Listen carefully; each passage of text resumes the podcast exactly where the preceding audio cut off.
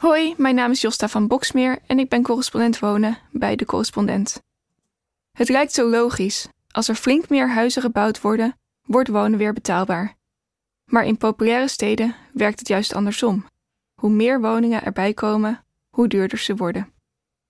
Voor dit stuk sprak ik met Alistair Parvin, een Britse ontwerper die zich bezighoudt met de maatschappelijke structuren achter de wooncrisis. Het volledige gesprek kun je terugluisteren op het platform van de correspondent. De afbraak van de sociale huursector, de lage rente van de afgelopen jaren, de opmars van beleggers. Op de vraag waarom wonen zo duur is, bestaat meer dan één antwoord. Maar van alle oorzaken die worden aangedragen, is er één die uit het debat naar voren komt als de meest fundamentele. De oorzaak aller oorzaken: een tekort aan woningen. Als er geen huizen bijkomen, wordt wonen nooit betaalbaar, stellen experts, media en bouwbedrijven keer op keer. Uit de woonplannen van minister Hugo de Jonge blijkt dat ook hij en zijn ambtenaren er zo over denken. Tuurlijk, er komen maatregelen voor de betaalbaarheid van huren en tegen beleggers. Maar voorop staat: er moeten 900.000 woningen bij. Het klinkt logisch. Huizen zijn duur, zou je denken, omdat de vraag ernaar groter is dan het aanbod. Zo werkt het met de meeste producten, zoals graan en gas, tandenborstels of theezakjes. Als er een tekort is, gaan de prijzen omhoog. De oplossing? Vergroot het aanbod. Toch is het met woningen niet zo eenvoudig. Integendeel, op plekken waar veel mensen willen wonen, in de grote steden, creëert een groeiend aanbod van huizen juist meer vraag. Oftewel, hoe meer woningen er op die plek bij komen, hoe duurder ze worden.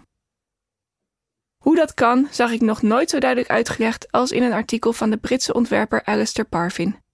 In het publieke debat lijkt het alsof de vraag naar woningen eindig is, schrijft hij.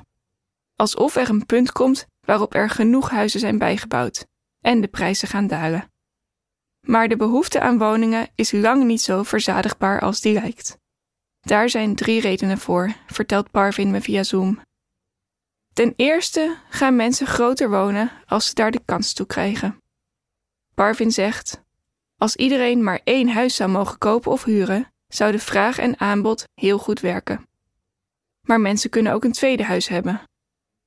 Als de ruimte er is, kunnen kinderen bovendien eerder uit huis dan ze misschien anders hadden gedaan en gaan stellen sneller uit elkaar. Ten tweede kopen beleggers huizen op om ze vervolgens te verhuren, of in sommige gevallen om ze leeg te laten staan. Door de lage rente was investeren in woningen de afgelopen jaren heel populair. Parvin zegt: Als beleggers denken dat huizen meer waard worden, blijven ze kopen. Oké, zou je kunnen denken. Er zijn dus meer woningen nodig dan er huishoudens zijn. Maar de meeste beleggers zijn ervan afhankelijk dat er mensen zijn die hun woningen willen huren. Als er maar genoeg wordt gebouwd, zouden de prijzen toch moeten dalen? Hier komt de derde en belangrijkste reden in het spel. Mensen zoeken niet zomaar een huis. Ze willen een huis op een bepaalde plek. De afgelopen decennia is dat steeds vaker een stad. Ze hebben er een baan of hopen er een te vinden, gaan er studeren, zijn op zoek naar nieuwe vrienden of naar inspiratie. Ze willen in een drukke, dichtbevolkte stad wonen, juist omdat het een drukke, dichtbevolkte stad is. De aantrekkingskracht van steden is al vaak beschreven, bijvoorbeeld door de Amerikaanse econoom Edward Glaeser. Je zou denken, schrijft hij in zijn boek Triumph of the City, dat mensen in dit digitale tijdperk verder van elkaar af gaan wonen. Maar het tegendeel blijkt waar. Kunstenaars en mensen die bijvoorbeeld bij techbedrijven en in de financiële sector werken, zoeken elkaar juist op. Die bedrijvigheid maakt de stad tot een gewilde plek, waardoor nog meer ondernemers en creatievelingen er willen wonen. Het gevolg? De huizen worden duurder, de huren gaan omhoog. De bouw van nieuwe woningen kan dat effect tijdelijk verminderen, maar op de lange termijn wordt wonen weer duurder. Want de nieuwe bewoners trekken ook weer meer cafés, winkels, scholen en bedrijven aan. Parvin zegt: Opeens heb je een fantastische, bloeiende stad vol jonge mensen die nieuwe bedrijven beginnen, en dat maakt haar nog populairder. Als overheden huizen plannen op de plekken waar er grote vraag naar is, In de hoop dat wonen betaalbaarder wordt, bereiken ze dus juist het tegenovergestelde. Parvin, de nieuwe huizen maken de plek alleen maar geliefder en dus moet je blijven bouwen. In jargon heet dit het agglomeratie-effect. Het is een beetje als met snelwegen. Hoe meer asfalt, hoe meer files. De belofte dat nieuwbouw in steden wonen betaalbaarder maakt, is niet alleen onjuist. Ze heeft ook nadelige gevolgen. De kwaliteit van de woningen daalt erdoor. Dat zit zo.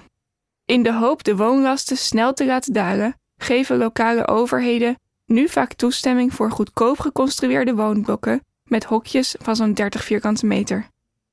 Ze beknibbelen op de aanleg van parken, pleinen en speeltuinen. En ze schroeven de milieunormen omlaag, zoals die voor geluidsoverlast. Steden die steeds verder uitdijen, brengen meer nadelen met zich mee.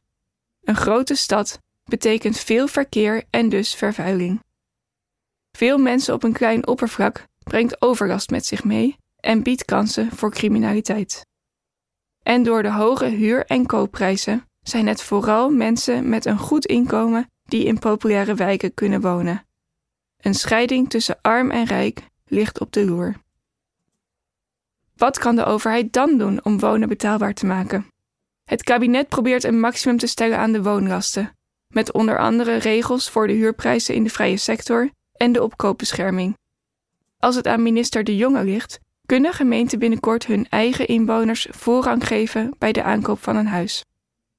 Regulering kan wonen zeker betaalbaar houden, maar creëert ook weer nieuwe problemen. Doordat de verdeling van de huizen niet meer plaatsvindt op basis van wie het meeste kan betalen, ontstaan wachtlijsten. Bouwprojecten komen stil te liggen omdat bouwen minder loont als de winsten van ontwikkelaars zijn ingeperkt door een maximum aan de huren of koopprijzen. Misschien moeten overheden stoppen grote steden steeds groter te maken, denkt socioloog Saskia Sasse. In plaats daarvan zouden ze moeten investeren in kleinere plaatsen, zodat ook daar meer werkgelegenheid komt, goede scholen, uitgaansgelegenheden. De enige manier om de druk van de woningmarkt te halen is om iets aan die druk zelf te doen. Dat is al vaak genoeg fout gegaan. Denk maar aan de leegloop van Emmen of recenter de moeizame verkoop van huizen en bouwkavels in de Groningse blauwe stad. Toch denkt ook Parvin dat het kan, plekken aantrekkelijk maken om te wonen, zowel in als buiten de grote steden. Hij heeft flink wat ideeën voor hoe dat zou kunnen. Laat huidige en toekomstige bewoners beslissen over de inrichting van de stad, want zij weten wat ze nodig hebben. Vind een manier om speculatie met huizen tegen te gaan als een plek eenmaal populair wordt.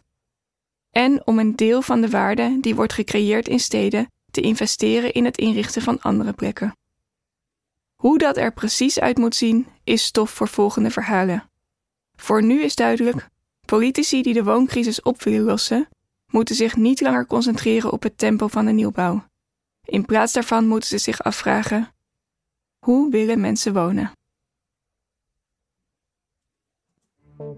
Het is de missie van de correspondent om voorbij de waan van de dag te gaan. Onze correspondenten voorzien het nieuws van context en schrijven over de grote thema's van deze tijd. De correspondent geeft me de vrijheid om mijn nieuwsgierigheid te volgen en de tijd om verhalen te schrijven. En zo probeer ik onzichtbare structuren zichtbaar te maken en een andere kijk te bieden op debatten die het nieuws domineren.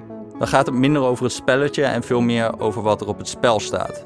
Vanaf dag 1 zijn onze artikelen, boeken en podcasts gefinancierd door onze leden. Volg ons op onze journalistieke zoektocht. Overweeg eens lid te worden van de correspondent. En maak daarmee samen met ruim 70.000 anderen onze onafhankelijke journalistiek mogelijk. Dus word lid van de correspondent. Ja. Word lid. Word lid.